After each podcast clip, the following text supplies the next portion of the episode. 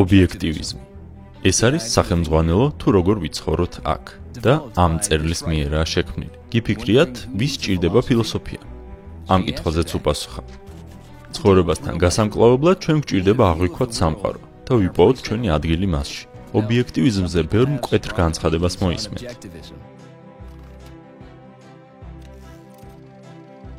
ეს მიმდინარეობა არაერთხელ გამხდარა კრიტიკის ობიექტი, რადგან ის ეგოიზმს ქადაგებს და ამბობს, რომ ალტრუიზმი ბოროტებაა. ამას ცოტა ხანში დაუბრუნდებით. ბრენდის ფილოსოფია ასე გამოიყურება.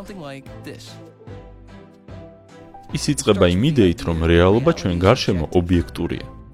სამყარო არის ის, რაც არის და არა ის, როგორიც ჩვენ გვინდა რომ იყოს. და არც იცვლება ჩვენი სურვილისამებრ. შემდეგ ის ამბობს, რომ გონება არის ყველაფერი, რაც გაგვაჩნია და გვჭირდება ჩვენს გარშემო სამყაროს შესაძნობად.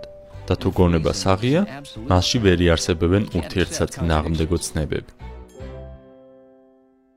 ობიექტივიზმი ასევე ამბობს, რომ ადამიანის უმაღლესი მორალური მიზანი უნდა იყოს საკუთარი ბედნიერებისკენ სწრაფვა.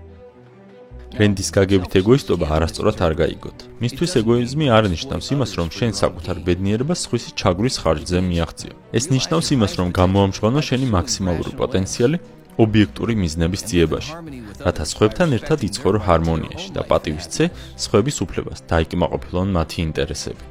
საბოლოოდ, რა არის ფილოსოფიის შედეგი? ეს არის ყველაფერი, რაც ცხოვრებისთვის გჭირდება: მიზეზი, მიზანი და თვითშეფასება. დედამიწაზე ცხოვრების ფილოსოფია. დარწმუნებული რომ იყოთ იმაში, რომ ეს ცხოვრება არის ერთადერთი რამ, რაც გაგაჩნიათ. არ შეეცდებოდით მისგან მაქსიმალური მიგიღოთ?